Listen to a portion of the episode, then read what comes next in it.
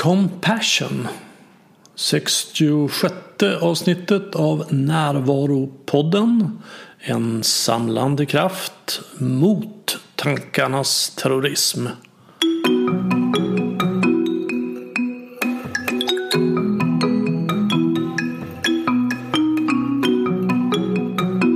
Det här är Bengt Renander och jag vill börja med att säga något om avsnitt 64 med rubriken Konflikter. Jag har fått några arga mejl om det. Jag säger där att det inte går att kränka en människa utan hennes medverkan. Men det stämmer inte. Det går tyvärr att kränka en människas rättigheter helt utan hennes medverkan. Och det sker dagligen över hela världen. Vad jag ville säga var att det inte går att få mig att identifiera mig med känslan av att vara kränkt utan min medverkan.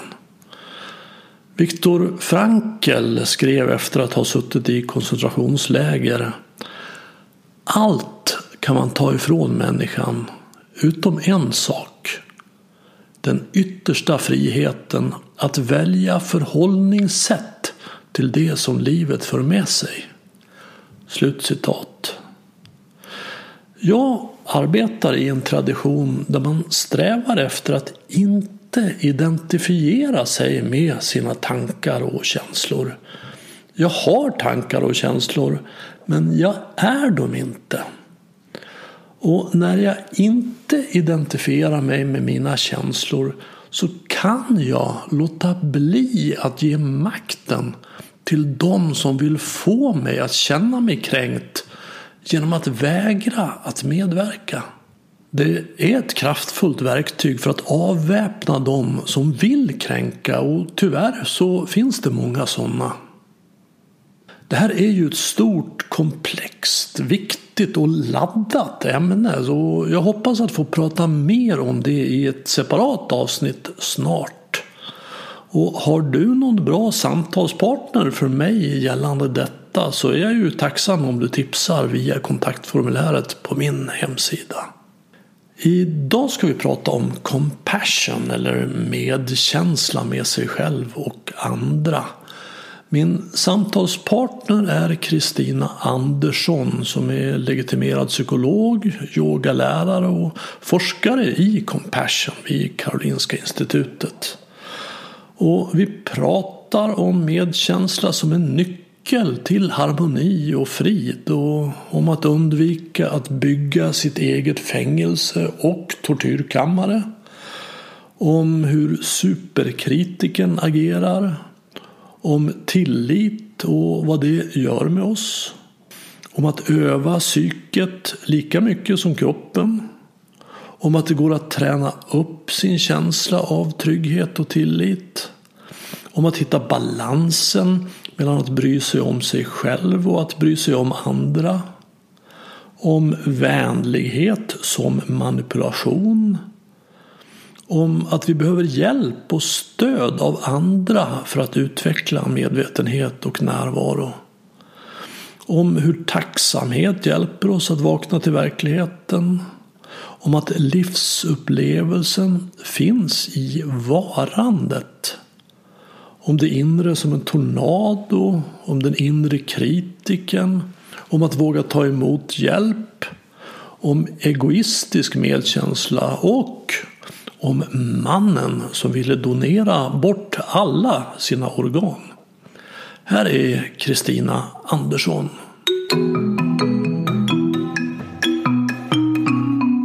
Jag gör en del olika saker men i grunden så är jag psykolog.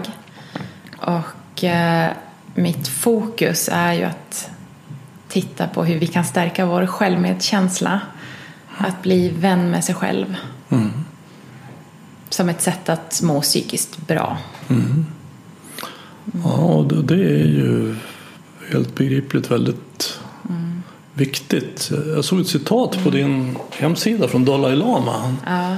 Alltså så här att vill du göra andra, andra lyckliga så ha medkänsla med dem. Och mm. Vill du göra dig själv lycklig så ha medkänsla med dig.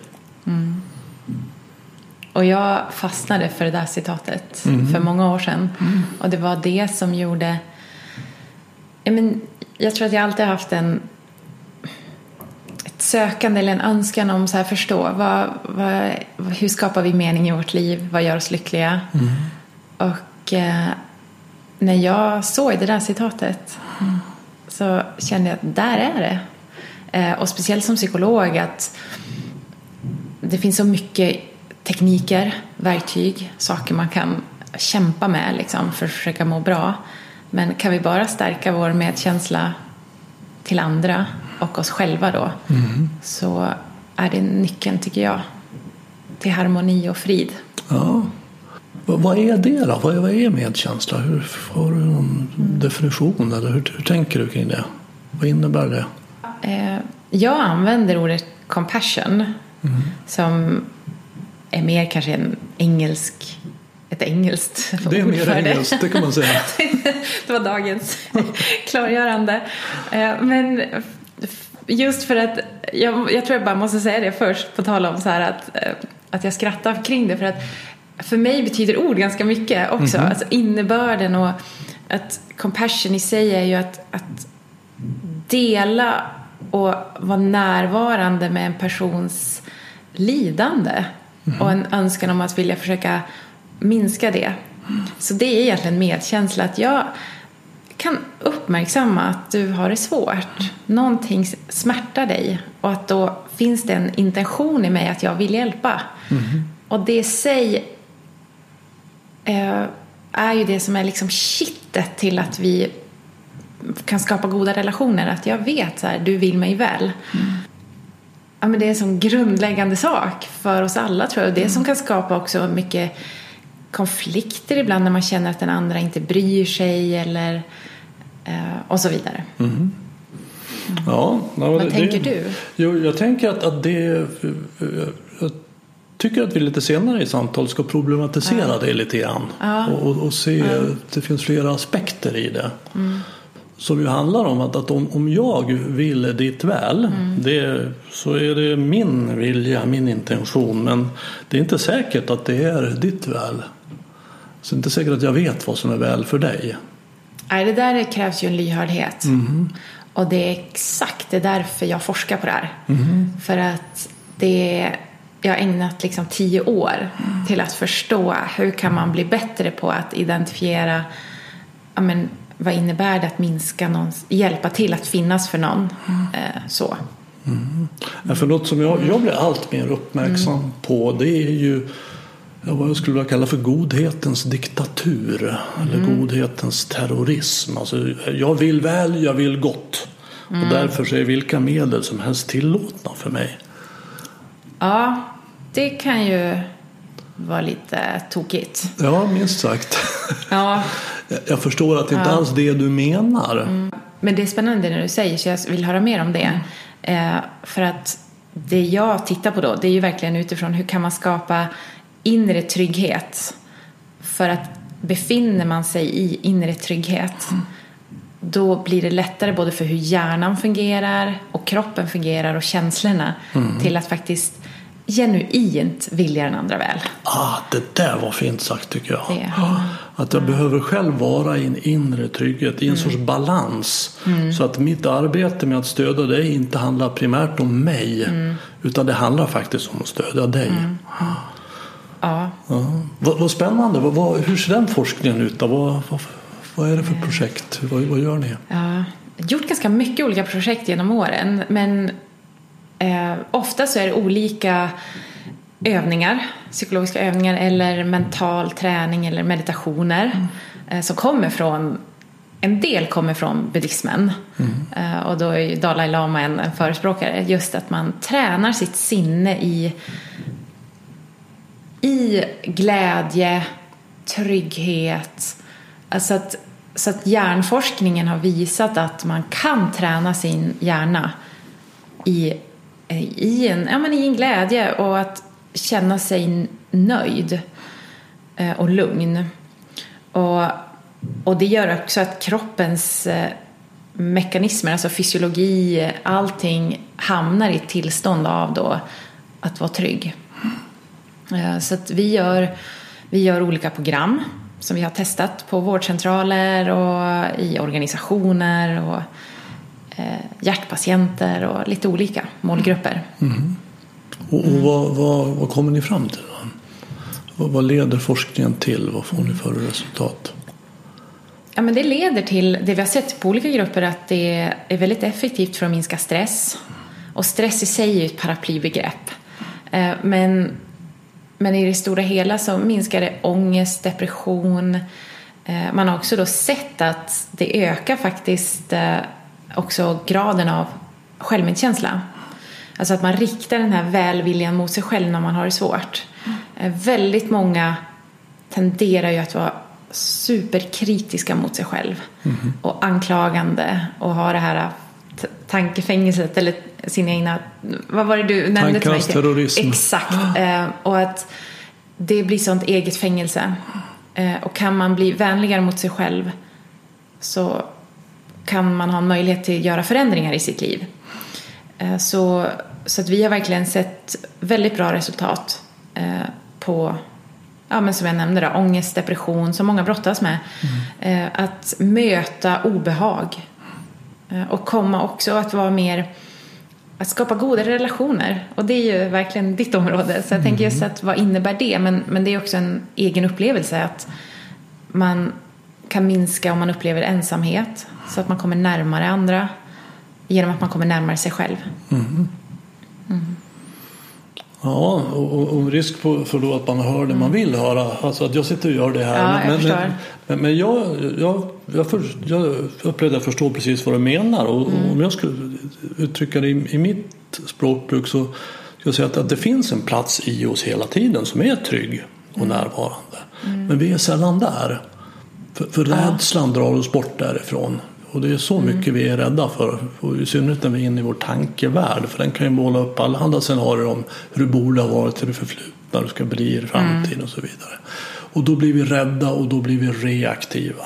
Mm. Och då kan vi inte finnas där för någon annan. För vi har så fullt upp med att överleva själva. Ja. Men sen kan vi lära oss att gå till den här punkten som är närvarande, som är trygg. Och när jag är där mm. så är jag inte rädd längre. Nej. Och när jag inte är rädd så behöver jag inte ha någon agenda att överleva utan jag kan verkligen vara helt och fullt med dig mm. och med mig. Mm. Och det är en väldigt fin plats att vara på. Mm. Och, och ja. den platsen ja. kallar jag för självet. Mm. Alltså då är jag mig själv. När jag är helt och hållet närvarande så är jag också mig själv. Mm. Exakt, och jag tror en del skulle benämna det också. Jag sitter och tänker medan jag lyssnar. Mm. Uh, men som att ha tillit. Mm. Självtillit och tillit till att det kommer att bli bra. Exakt, det är en trygghet. Eh, ja, jag är, ja, inte rädd. Nej. Precis, och då um, har man då sett tycker det här är spännande från så många olika plan och det är det med compassion-forskningen då att man kan se på det från eh, verkligen så här hjärnforskning, neurovetenskap, mm. så här, vad händer i hjärnan och, och det där kan man ju då träna så att man har sett att vissa strukturer i vår hjärna kan bli mindre reaktiva som du säger, alltså rädslocentret mm. och de delar i oss som behövs för att vara trygga blir mer aktiva. Mm. Eh, och jag använder ett ord när jag undervisar och så vidare att, och det kommer från evolutionsteorin att vi har ett system i oss som är vårt trygghetssystem. Mm.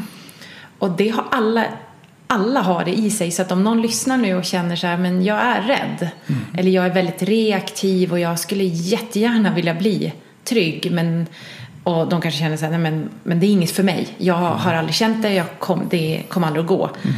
Då kanske du, även du kan känna så här, jo men det går. Mm. Och alla har det. Absolut. Ja. Och, och, i mitt språkbruk skulle det heta då att, att alla har ett själv. Mm. Det finns ett själv där inne i alla. Ja. Och, och en, en metafor jag brukar använda är en tornado. Ja. Alltså för, för det inre. Och i tornadons ytterkant så snurrar det och den är ju väldigt kraftfull. Det suger upp träd och mm. hustak och bilar. Och... Mm. Mm. Men i centrum av en tornado mm. är det helt stilla. Mm. Och båda de här platserna finns i oss. När jag är i mitt centrum mm. så är det helt stilla. Mm. Men sen finns det en en centrifugalkraft i tornadon som suger oss ut. Så bara kommer jag bara lite utanför centrum så, och, och det är full fart i tornadon, mm. då är jag där ute. Och har jag då inte tränat upp min närvaromuskel mm. Mm. Så, så kommer jag inte därifrån. Mm. Där jag behöver träna min närvaromuskel och den använder jag för att motverka centrifugalkraften och ta mig in till mitt centrum. Mm. Det är lugn. Mm. Det finns så många fina kvaliteter och, och lugn och trygghet och mm. frid, sinnesro, visdom, kärlek kreativitet. Ja, mm. När jag är i kontakt mm. där. Men sen dras vi ut och då är vi rädda och där har vi allt. Det är bara att läsa en tidning och se vad som händer när vi är mm. där. Mm.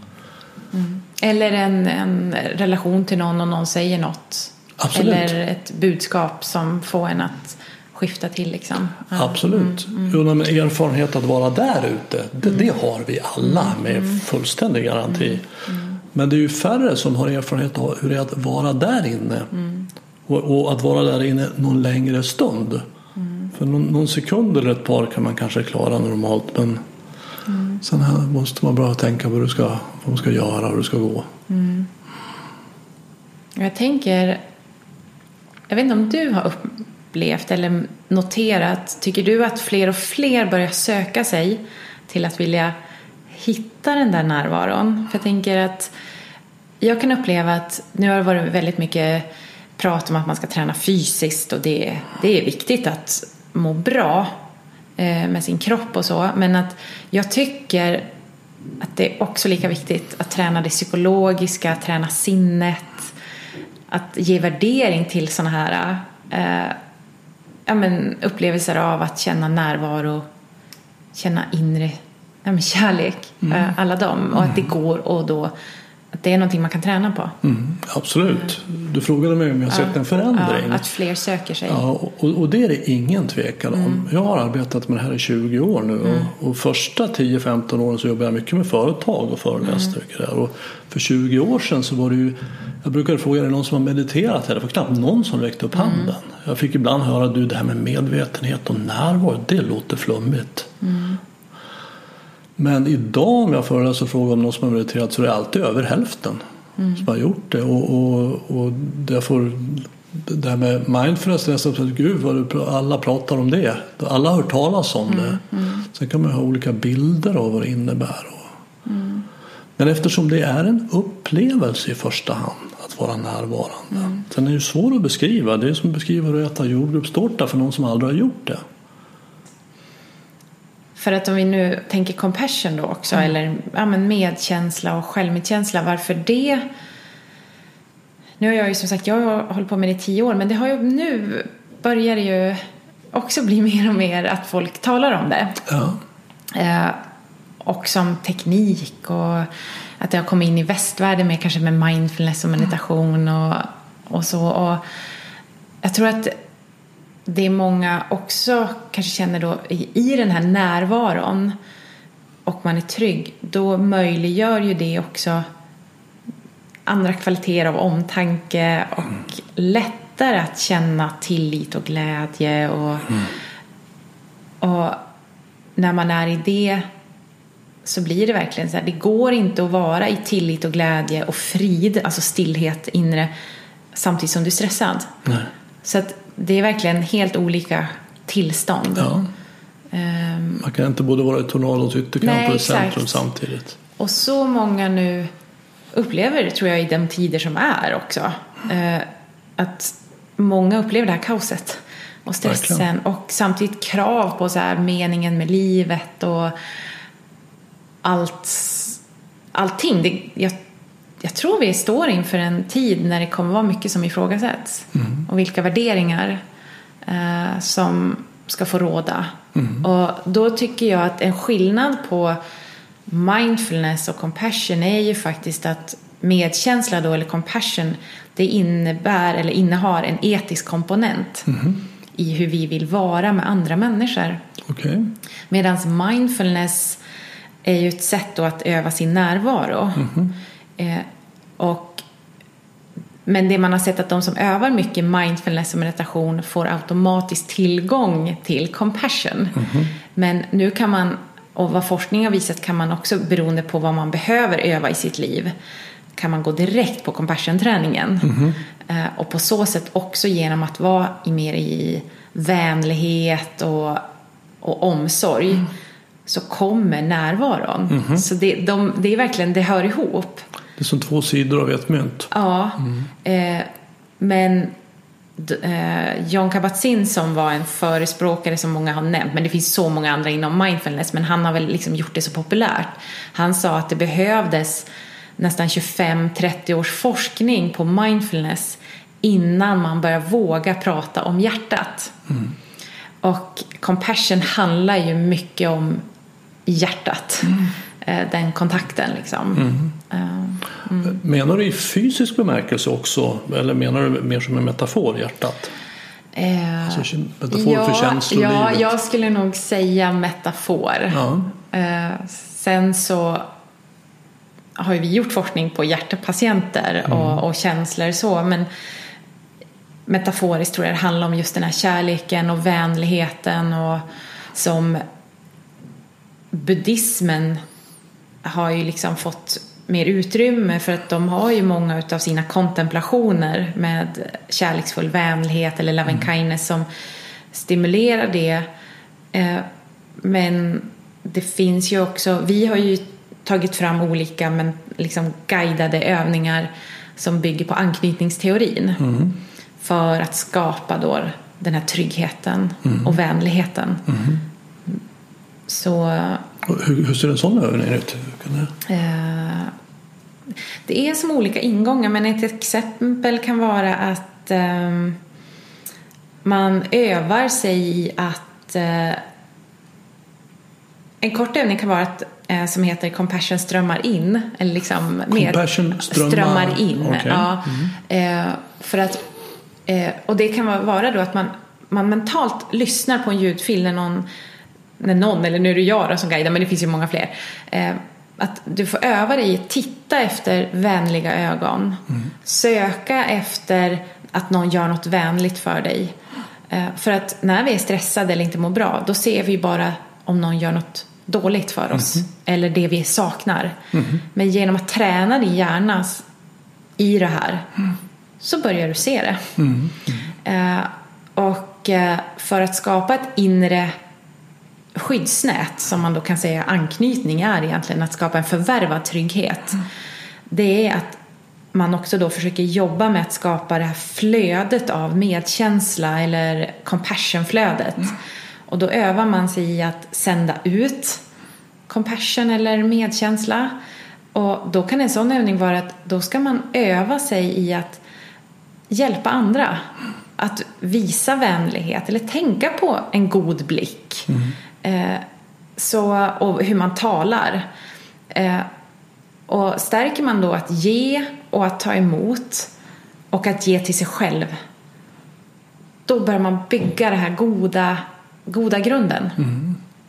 Ja. Jag får ett intryck att det bygger på insikten att, att vi, vi skapar vår verklighet i väldigt mycket högre grad än vad vi normalt tänker oss. Ja. Jag har ju upplevelsen att jag ser världen som den är. Ja. Men att nej, det beror på vad fokuserar jag på? Hur tänker jag kring det som sker? Som Shakespeare skriver i Hamlet att, att uh, nothing is good or bad, only thinking makes it so. Så hur tänker jag kring det som sker? Vad fokuserar jag på? Fokuserar då på, på det som ser elaka, själviska, hotfulla handlingar? Ja, då får jag en väldigt hotfull verklighet.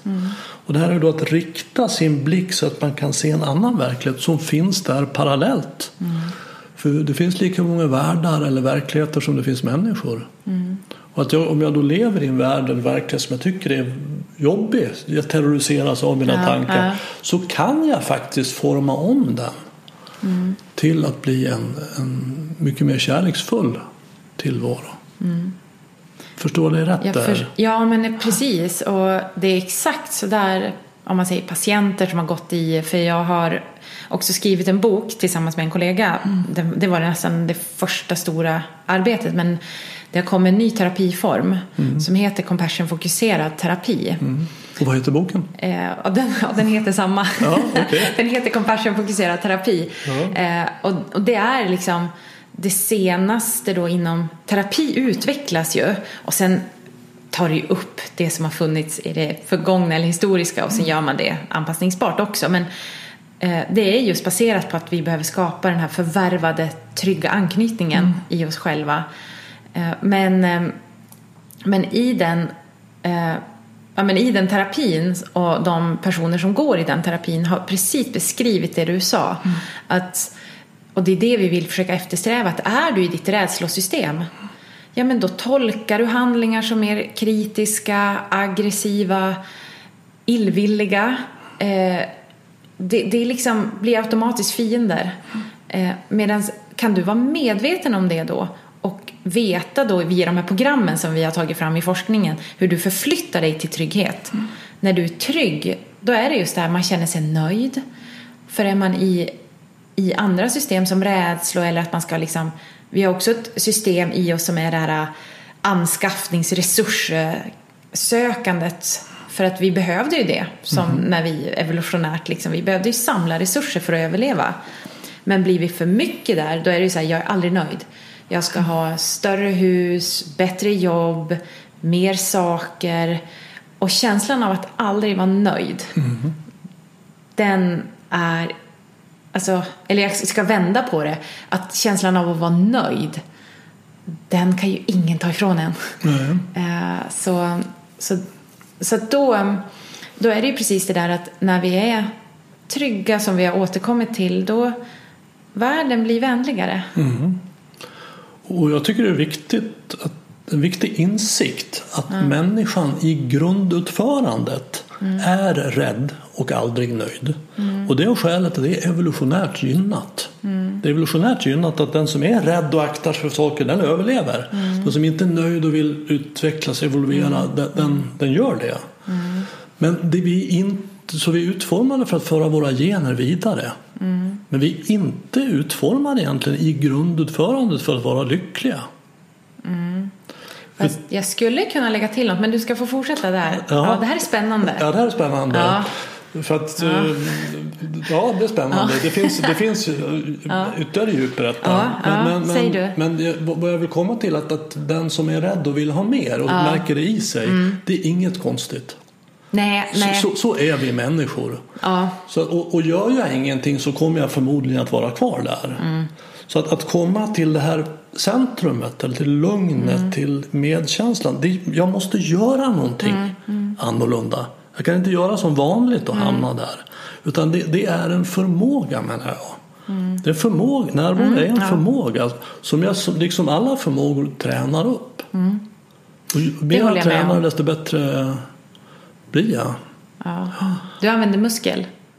Ja, ja, det tycker jag är en metafor. Ja. Alltså man tränar upp en närvaromuskel och det går till på samma sätt som man tränar Ja. upp biceps. Ja. Bara olika verktyg. Ja, Typ precis. tekniker. Ja. Ja.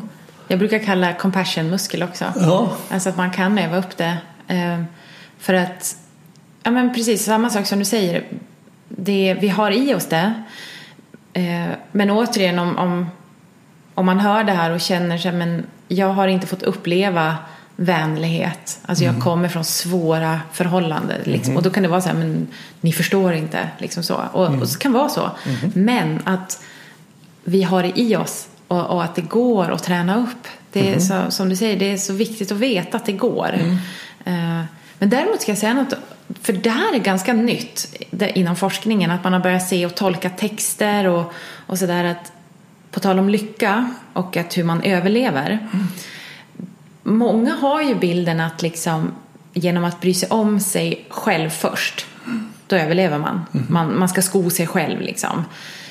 Men det har visat sig också att de som överlever är de som hade sympati och att bry sig om. Att man behöver ha den här trygga, liksom att bygga det tillsammans. Mm. Och det var Charles Darwin som var en forskare som har skrivit mycket om arternas överlevnad. Och det är därifrån det egentligen är myntat begreppet starkast överlever. Ja, fast det är inte, det, det är fel citat. Ja men precis, Ja. det var det jag ska komma Ja. till. Och att det har kommit just då att det har man verkligen feltolkat. Mhm. Och, och det var också grunden till mycket av den compassion-forskningen. Att, att starkast överlever har en annan innebörd. Att det är verkligen den som har sympati och bryr sig om sin nästa. Mhm. Det är den som överlever. För att starkast överlever det är ju fascismens grundtes. Mm. Medan Darwin sa att det är den bäst anpassningsbara. Alltså den som är bäst Ja, på att anpassa sig till nya omständigheter, den Mm. överlever. Ja men precis och att, att då se också att anpassningsbar är inkluderande utav värderingar som är av sympati att bry sig om. För att annars har det varit mycket prat om att ja men man ska liksom vara stor och stark och eller det är de som är lite bufflig, alltså sådär när krisen gäller liksom. Det är ju alltid lättare att vara snäll om allting är lugnt. Men det är att ta till de här kvaliteterna när det är kris. Ehm, och det tycker jag är en viktig sak att lyfta fram att vi måste uppvärdera det här och förstå att det är lika evolutionärt viktigt eh, som, som andra. Verkligen. Och, och jag tänker mig också att det är på gruppnivå. Mm. Så, alltså för en art som bara är, är egoistisk Mm. så- har den arten sämre evolutionära chanser att överleva Mm. än en som också kan vara altruistisk. Och där vi hjälper och samarbetar. För, för det är ju vi människor ganska duktiga på, för att inte säga väldigt duktiga på. Och, och jag föreställer mig att, att, att den, i den bästa av världar så finns det en balans där. Att jag både kan bry mig om mig själv och dig. För att om jag bara bryr mig om dig då kommer jag att, och, och du också bara bryr dig om mig, inte dig själv. Så då kommer vi att, att utplånas. Och det där är superintressant. Eh, Det är där visdomen kommer in. Eh, Och eh, en stor del i compassion träningsprogrammen vi har det är att inkludera och utveckla visdom. Och det har man också sett att det går att, att träna upp en egenskap precis som, eh, ja, men som närvaro. Eh, Och ehm, i, vi har också tittat på ett begrepp i den forskning vi gör som heter empatiutmattning. Okej?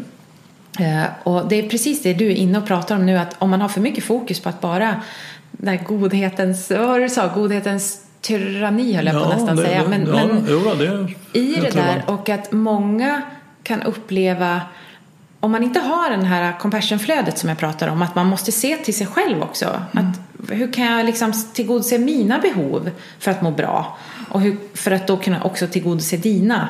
Eh, det behövs en balans där för att vi ska må bra. Men en del personer, beroende på trygghet, så har man kanske överlevt genom att bara finnas till för andra. Och det gör att man på sikt mår fruktansvärt dåligt. Det finns ju en psykologisk term för det som är compulsive altruist. Ja, Och det ja. finns de som har den diagnosen. Jag hörde om en i USA, en man som donerar bort sina organ. Ja.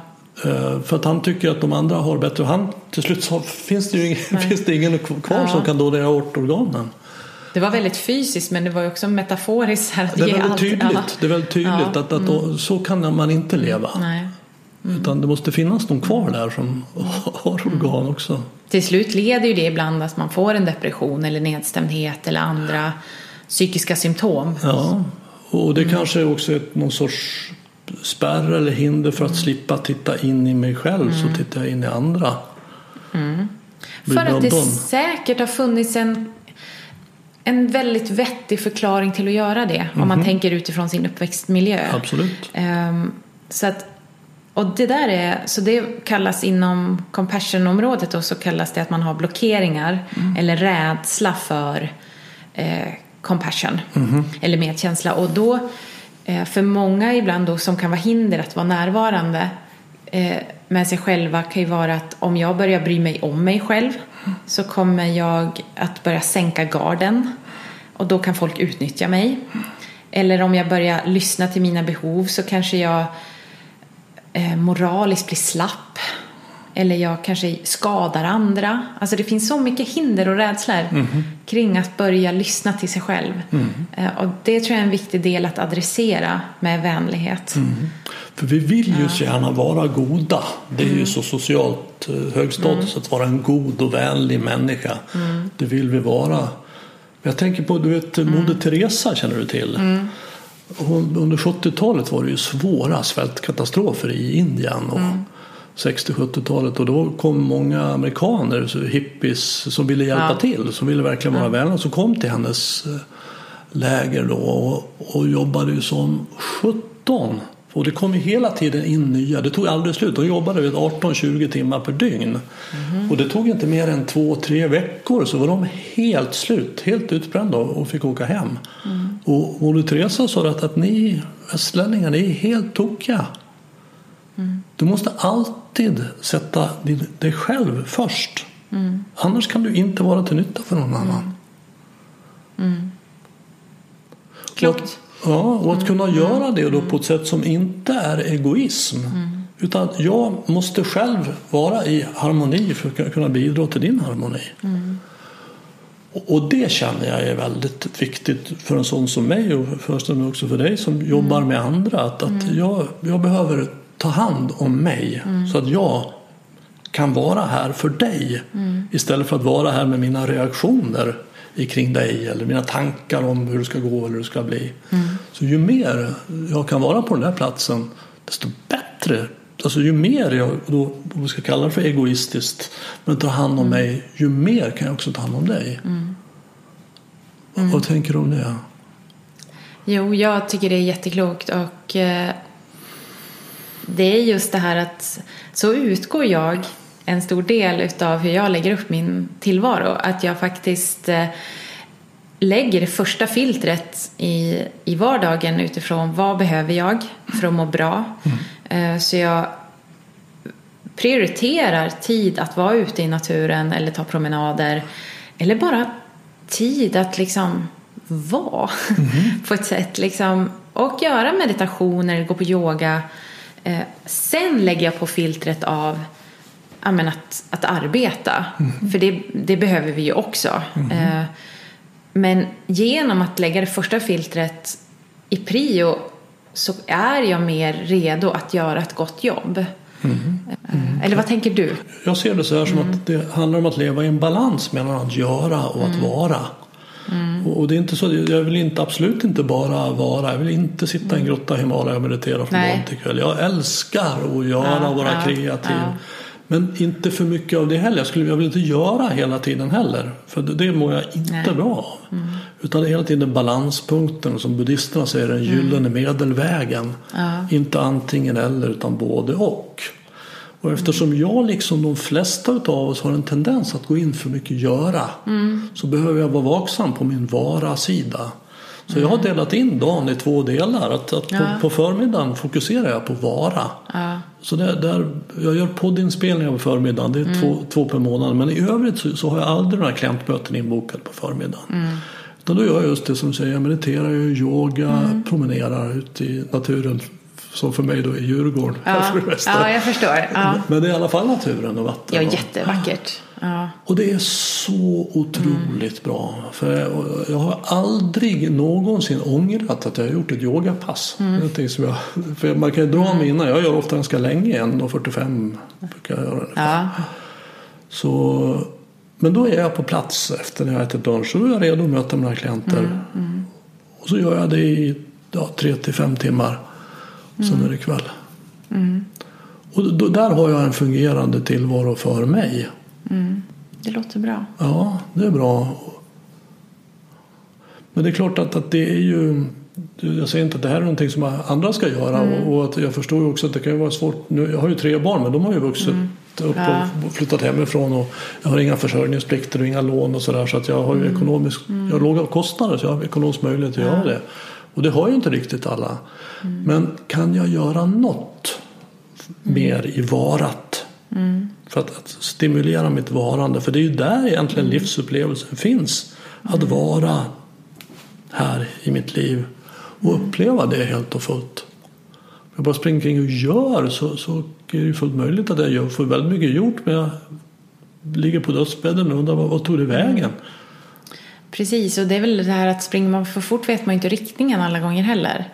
Eh, och jag tänker precis som du är inne på att vilka möjligheter man har. Men där, det är därför jag tänker det är så viktigt att se att det här, det här är en träning eller utveckling. Så att jag tycker att man ska, om man är, är intresserad utav de här sakerna så ska man söka sig till att börja utöva det. För då kan ens egna tankemönster förändras. Man kanske har tyckt att man har varit blockerad eller att saker och ting har varit omöjligt.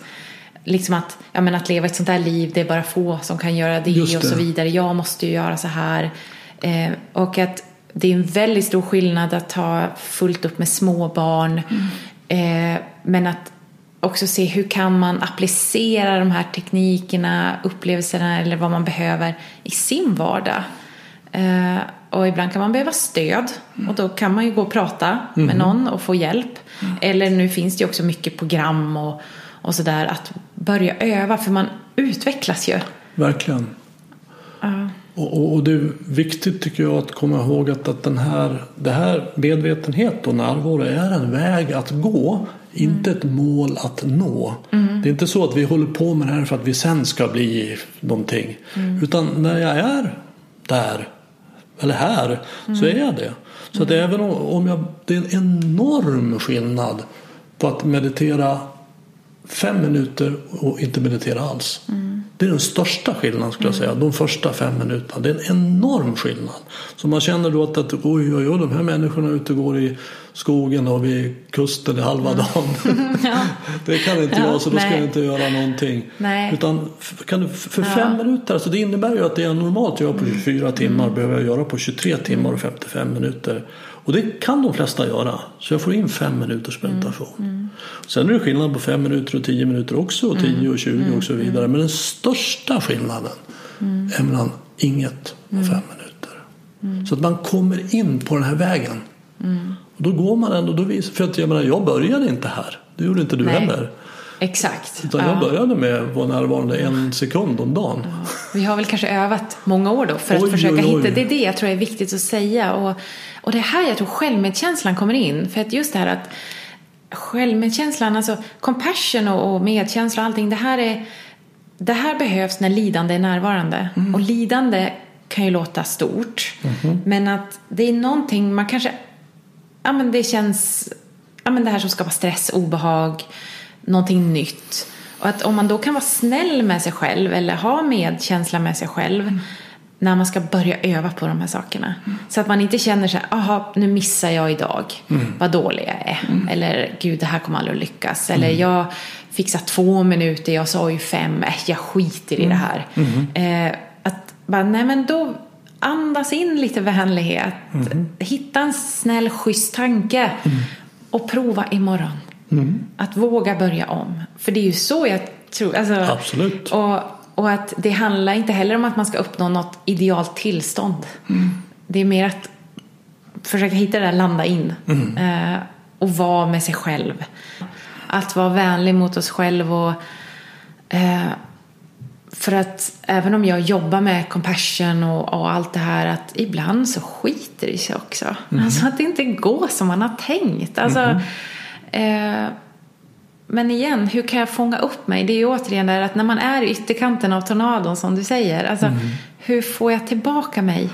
Eh, det finns ju begrepp nu som är resilient, att man ska vara resilient. Att, att när man möter motgång, fast, fastnar man där eller kan man komma tillbaka? Så att det handlar ju återigen, meditation och allt är ju att det är en övning att komma tillbaka. Eh, och vem vill jag vara? Eh, så det, det är de här kvaliteterna och allting som jag tror vi vet att det finns att öva på. Verkligen. Och, och en bra insikt för mig har varit att, att jag inte längre försöker kontrollera mina tankar. Utan jag konstaterar att jag är inte klok. Eh, Så är det. Det kommer upp tankar. Jag har köpt ett fritidshus och jag har ägnat sommaren åt lite olika hantverksgrejer som jag inte har gjort så mycket tidigare. Bland annat målat med linoljefärg ett staket. Och det tog ju tid innan jag lärde mig. Och jag, jag noterade hur en röst i huvudet på mig sa Gud vad korkad du är. Mm. Jävla idiot att du inte fattar det här tidigare. Som är så kritisk och så elak. Och jag för, Jaha, det är en röst. Ja, ja. Det, det, är inte jag. jag. Jag mm. förstår att jag behöver lära mig. Jag kan inte, kan ju inte begära att jag ska kunna något innan jag lärt mig det. Nej.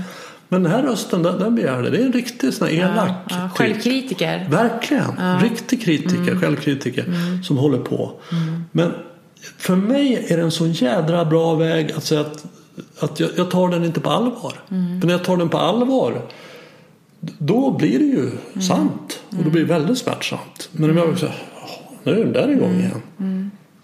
Eh, jag ska tillägga där, för jag tycker det där är jätteintressant. För du hade ju också en annan röst som var lite så här, det här är bra att lära sig. Alltså, eller du får lära dig. Mycket så det, det, skulle man kunna säga är en self-compassion röst. Som vill dig väl och som motiverar dig att du får vara nybörjare, öka självförtroende och, och Där finns det också visdom i det. Ja, ja absolut. Så, så det tror jag. Men i, när vi har när vi utbildar, för jag har också en specialistutbildning för psykologer mm. i CFT då som är compassion-fokuserad terapin. Mm. Eh, och där jobbar man väldigt inriktat mot att arbeta med inre kritiker. Mm. För att självkritik och inre kritiker är någonting som kan vidmakthålla psykiska problem. Mm. Men man måste behandla det också med jättestor respekt. Mm. För att för vissa kan det vara kopplat till om man vill skydda sig i, i sin uppväxt. Mm. Att man har byggt den där inre kritiken mm. för att vara på ett sätt trygg men att vara mm. säker. Så att den mm. håller sig liksom, gör inte det här, tänk på det här, eh, se upp liksom. Mm. Och, och då går det inte alltid att bara liksom putta bort den. För då måste man bygga upp den här tryggheten. Mm. Men det finns en annan nyans då som är att man är, är självkritisk i, i en tankeverksamhet som inte är lika grundad i, i liksom rädslor och, och kanske otrygg anknytning. Mm. mycket trauma kopplat till en inre kritiker också. Så att, mm. men, men den här självkritiken med, med ord och hur vi attackerar oss ibland. Mm. Där kan man verkligen behöva säga så här, nej men nu räcker det. Nu, nu är jag i mitt hotsystem. Nu, mm. nu får den här visa delen i mig mm. liksom komma in. Mm. Så att, så det är faktiskt en av, en av huvudpunkterna i compassion-fokuserad terapi, att jobba med inre kritiken. Ja. Så, det förstår jag. Ja.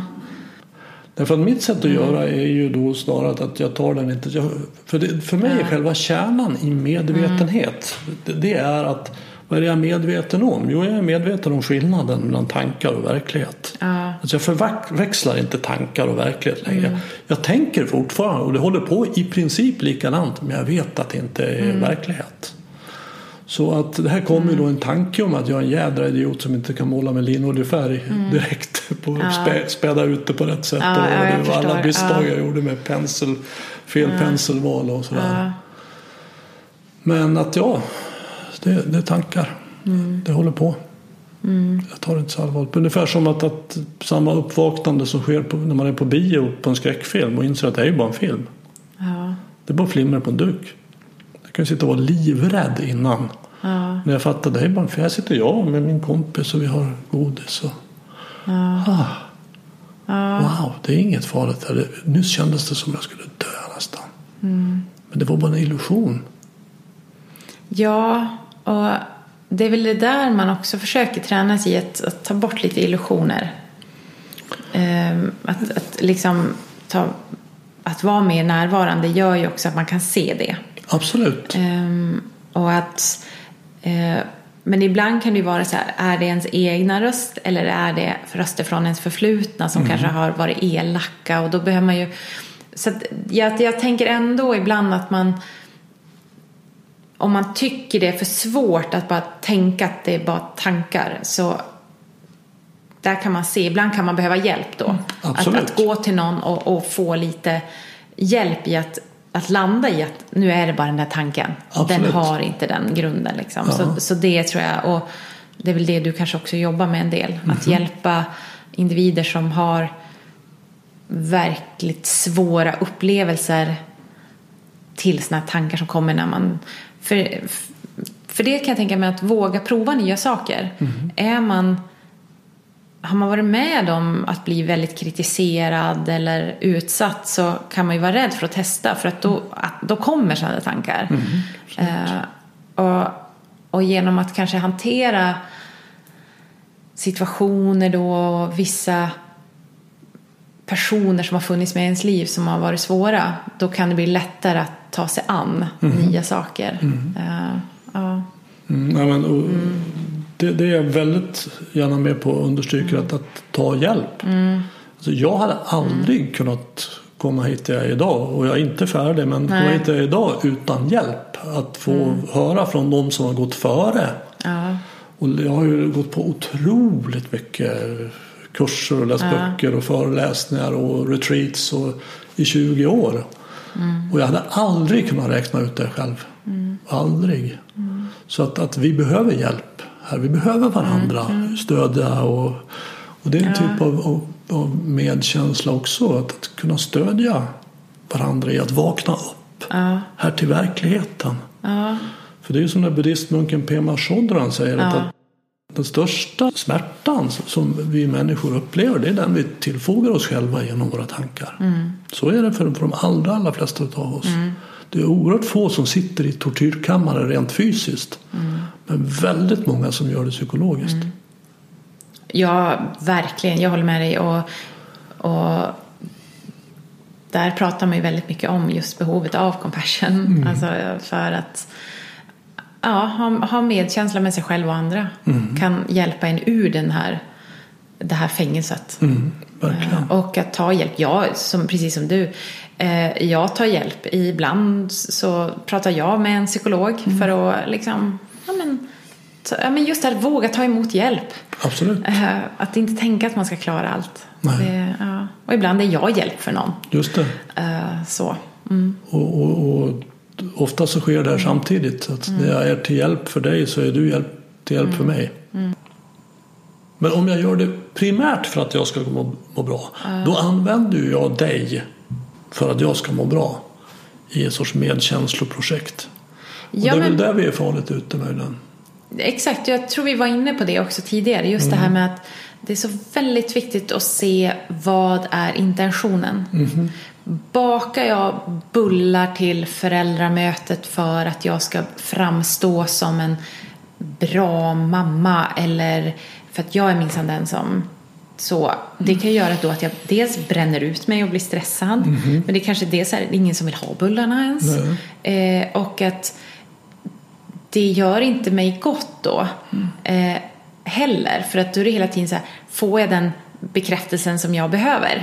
Eh, och det har man faktiskt sett då kopplat till hjärnforskning. För det- det, kan, ibland kan det vara en hjälp till att förstå varför man inte ska hålla på sådär. För du får inte godhetens effekt på din kropp om du gör det av fel syften. Eh, för att om jag har som mål av compassion då att jag vill dig väl utifrån vad som du behöver. Att jag frågar dig eller ser och bryr mig. Eh, då om jag verkligen hjälper dig då och ser att du mår bättre. Då får jag en belöningskick. På samma sätt som man äter typ choklad och allt det där som vi vet. Men har jag som intention att bara göra någonting återigen som gör, sätter mig i bättre dagar så det får, du gynnas inte av det då får jag inte kicken. Då skapar det ännu mer stress. Ja, och då måste jag göra det där igen, igen för att jag vill, blev de tillräckligt bra? Nej, jag ökar dosen och så blir det bara knäppt. Ja, Och sen känner ju vi, vi är ju flockdjur så vi känner ju också in varandra intuitivt väldigt starkt. Och man kan känna in om de här bullarna kommer ifrån en intention av att här ska jag visa vilken duktig och snäll och fin mamma jag är som har bakom ja eller bullarna. pappa då. Ja, eller pappa ja, då. Som bakar, ja. Eller Ja. om det kommer från av en genuin att jag ja, vill bara glädja med bullar. Ja, ja, men typ. Man känner ja. in det och, Ja. och, i det första scenariot så känner man sig ganska manipulerad. Ja, men det var bra att du sa det. Många är ju också så himla rädd för att såra andra. Och, och då gör man inte heller saker och ting som kanske skulle vara egentligen mer medkännande. Eh, men att, som du säger, då vill man framstå som någon som nej men jag får inte göra sådär eller jag kan inte göra sådär för Mm. då, då skadar jag. Men is- istället för att våga vara ärlig och uppriktig och kanske prata om saker då visar det sig inte alls att det är att såra. Det är att vara på riktigt med någon. Eh, Så där tror jag också slår an i det där. Vi är så rädda för att man tar en bild av hur man, det ska vara så här. Och det inte alls vad, vad den andra kanske hade velat. Nej. Ja. Vad tänker du kring det? Jo, jag, jag tänker att många gånger, och det är bra att se i sig själv, att min förmenta godhet många gånger kan vara just manipulation. För att jag vill att du ska tycka om mig som jag vill att du ska tycka. Jag vill att du ska tycka att jag är smart och god. Och då gör jag saker i akt och mening att du ska tycka så. Eh, Och det här kan ju bli då, precis som du säger, väldigt, väldigt utbrännande. Det är väldigt jobbigt. För jag har, det är som en cirkusartist med såna pin, tallrikar med, på pinnar. Att jag måste hela tiden se till att Och koll, alla... koll, koll. koll, koll, Ja, koll på så ja. alla tycker som, som jag vill att de ska tycka. Så rasar de med tallrikarna, jag får liksom upp med dem igen. Men, men jag är ju så god, jag är ju så snäll. Det är ju därför man kommer. Jag tror att det är så snäll. Alla säger att jag är så snäll eller att jag är för snäll. Äh, snäll, jag är inte ordet jag skulle använda utan snarare manipulativ. Och vad är botemedlet? Jo, att jag släpper människor fria att tycka om mig som de tycker. De får tycka som de vill om mig.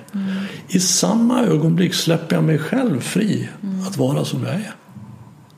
Och då har vi en mycket, mycket mer avslappnad tillvaro. Att jag får vara som jag är och du får tycka som du vill om mig. Och då tror man, men kommer man inte då till ett egoistiskt svin som håller på att misshandla folk? Nej, det gör man inte. Det är inte den jag är, utan jag är en, en, en, en, väldigt närvarande person när jag är, är mig själv. Där rör vi oss faktiskt mot ett begrepp som vi inte har pratat om, eller ett tillstånd. Det är ju det här med att ha kontroll. Eh, och att... För jag, jag kan uppleva att vägen in, att våga släppa, återigen blir lättare om du är trygg. För att, att det kan, och som vi har varit inne på, det kan låta så lätt att säga så här, men låt dem få tycka vad de vill. Men om vi utgår från att man har vuxit upp där man är beroende av folk. För det är oftast den tror jag som gnager i en så här, men, nej, men jag måste ju bli omtyckt. Och det här, det här är ju också saker som inte är tydligt för en säkert. De här, alltså de, men vi då, nej, men när man försöker göra det här och ska liksom manipulera då som det blir. Eller man gör det nog inte jättetydligt av manipulation för sig själv utan det blir Jag vill vara snäll. Ja, det är så för- det känns inuti. Exakt, ja. Men det blir, tok, ja, det blir fel. Mm. Eh, men att då inte bara tänka så här, men nu ska jag bara sluta med det för du kan ju skapa enorm ångest. Eh, att bara släppa taget liksom. Eh, för, för det är ju som att så här, men jag bryr mig inte om vad mina mamma och pappa eller så här, viktiga personer tycker. Jag som tvååring kan sköta mig själv liksom. Det kan man ju inte. Så, så där är det viktigt att genom att bygga upp den här inre tryggheten med, jag tror vi har lite liknande tekniker liksom sådär säkert. Och då blir det lättare att på sikt att nå det här att släppa. För att vågar du släppa och vara dig själv som vi har pratat om då kan du också se så här, men vad behöver den här personen kanske? Alltså vi kan prata om det. Man kan till och med fråga den här personen. Exakt. Men, men det, det har man inte utrymme för om man är i det här rädda tillståndet. Nej, verkligen inte. Och, och, och det, jag känner ett behov av att göra en väldigt viktig distinktion. Och det är att jag förespråkar inte ett tillstånd där man går runt och känner att jag bryr mig inte om Nej, vad andra nej. tycker. Utan jag släpper dem fria att tycka som Mm. de vill. På engelska är det ju då elegantare. Jag föredrar ju svenska. Men, men det, Mm. Ja. det som Krishnamurti sa. Do you want to know my secret? Mm. Varför jag är så. Och my secret is I don't mind what Mm. happens. I don't, alltså jag är inte emot det som händer. Utan jag går med det som händer. Och det är det tillståndet. För det här tillståndet, nej, jag skiter i vad folk tycker. Det är ett helt annat tillstånd. Det är inte alls det jag pratar om. Nej, jag förstår, jag förstår skillnaden. Och, Ja, men det är mer till lyssnarna jag vill kanske understryka. ja, ja, ja, för, ja, precis. Och det tror jag är viktigt. För annars kan det bli... Det finns ju ganska många som är lite det här jag skiter i. Absolut. Eh, och, och, precis, och det är ju ja, det är tillstånd i sig. Ja. Men att våga släppa taget Mm. Just det. eh, om andras tankar. Alltså och kontroll av andras tankar. Verkligen, Ja. och det är ju som, precis som du säger att bakom den som vill ha kontroll finns alltid någon som är rädd. Mm. Ett lidande liksom. Ja. För att om jag måste veta vilka som kommer på den här middagen, var ska jag sitta, vad kommer det vara, ska jag, måste, måste någon hålla tal, hur, du måste gå igenom allting som kommer att hända. Den kontrollen skaffar jag för att jag är rädd. Det kommer bli. Är jag trygg jag säger ja, jag kommer. Vi får se, spelar ingen roll vilka som kommer. Jag, jag, Vi får se, det går nog bra. Man kan vara mer spontan liksom. Absolut. Och man vara mer sig själv, den var sant är istället för att hålla på och vara i reaktion till omvärlden. Och där är ju medkänsla verkligen en nyckel in. Medkänsla med mig själv. Alltså att jag lider. Jag, behöver, inte- jag vill, vill hjälpa mig själv att komma ur det här lidandet. Jag, jag förtjänar att ha det bra. Få vara i kärlek och visdom och trygghet och det här. Är det möjligt? Ja, men det, det går steg för steg. Det är en förmåga som vi utvecklar och vi blir aldrig riktigt färdiga. Jag är också rädd och ledsen och allt sånt där. Jag, varenda Ja, dag. livet liksom händer. Absolut, Ja, ja. absolut. Så det är inte mm, något helgontillstånd. Eller? Nej. Men, men, men det är ju jädra skillnad på att vara rädd i tre minuter och i tre timmar. Ja, och inte veta vad man ska göra. Alltså, Ja. För vi pratar ändå utifrån den träning som vi kanske båda har haft eller er, alltså man har gått och utvecklat sig så är det att man kan känna saker och man ska känna saker men man vet ändå att det finns vissa saker man kan göra för att ta hand om det som är mer hjälpsamma då än kanske de här mer destruktiva metoderna. Och sen också Mm. insikten har hjälpt för att det är inte farligt att känna. Nej. Nej, det är väldigt skönt. Ja, det är inte farligt att känna sig ja, ledsen ja. eller rädd eller liten. Och det, det går faktiskt bra. Det vi gör för att slippa känna däremot, det kan ju många gånger vara oerhört farligt. Okej. Tack för att du kom hit. Tack för att du bjöd in mig.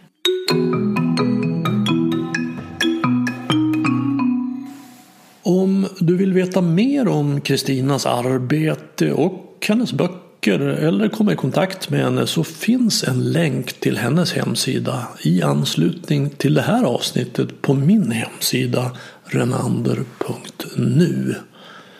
Jag gör den här podden för att sprida kunskap om hur medvetenhet och närvaro kan hjälpa oss att sluta terrorisera oss själva och andra med tankar. Om du vill stödja podden, hjälp till att sprida den genom att tipsa om den till vänner och bekanta. Det är också hjälpsamt om du betygsätter och skriver kommentarer på iTunes. Vill du veta mer om hur man går på den smala vägen som heter medvetenhet och närvaro? Köp min senaste bok Stoppa tankarnas terrorism. Boken har fått många positiva omdömen som tydlig, klar, enkel och väldigt användbar. Att du dessutom stödjer mig i det här arbetet är en positiv bieffekt. Enklast köper du boken via hemsidan renander.nu och jag signerar den gärna om du vill. Har du något ämne eller person som du tycker skulle passa här i Närvaropodden? Tveka inte att kontakta mig. Enklast gör du det via kontaktformuläret på hemsidan renander.nu. Desto fler vi är som är vakna i verkligheten, ju mer kan vi förändra den på riktigt. På återhörande och du, var uppmärksam.